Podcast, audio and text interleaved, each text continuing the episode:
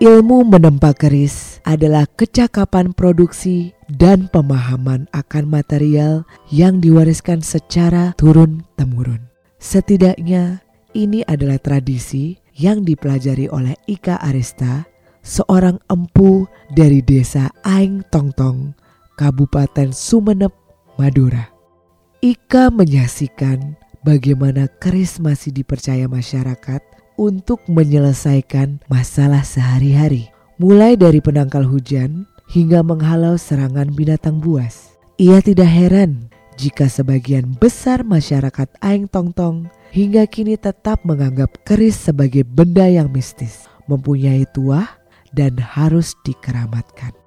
Karya keris Manangko adalah penjelajahan Ika dalam wilayah seni kontemporer ruang di mana ia menemukan keleluasaan untuk membuka diskusi dengan lebih luas tanpa terbentur pakem-pakem tradisi.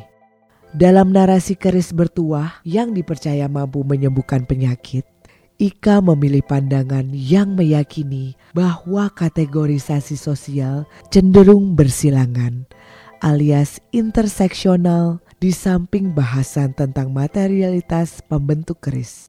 Karya ini dikembangkannya pada saat wabah COVID-19 masih menjadi momok bagi banyak orang, tak terkecuali di Sumeneb. Kurangnya infrastruktur kesehatan yang mudah dijangkau masyarakat Sumeneb dan pemahaman seputar pandemi yang tidak merata, diyakini Ika sebagai salah satu alasan mengapa mistifikasi keris di masyarakat masih terus terjadi.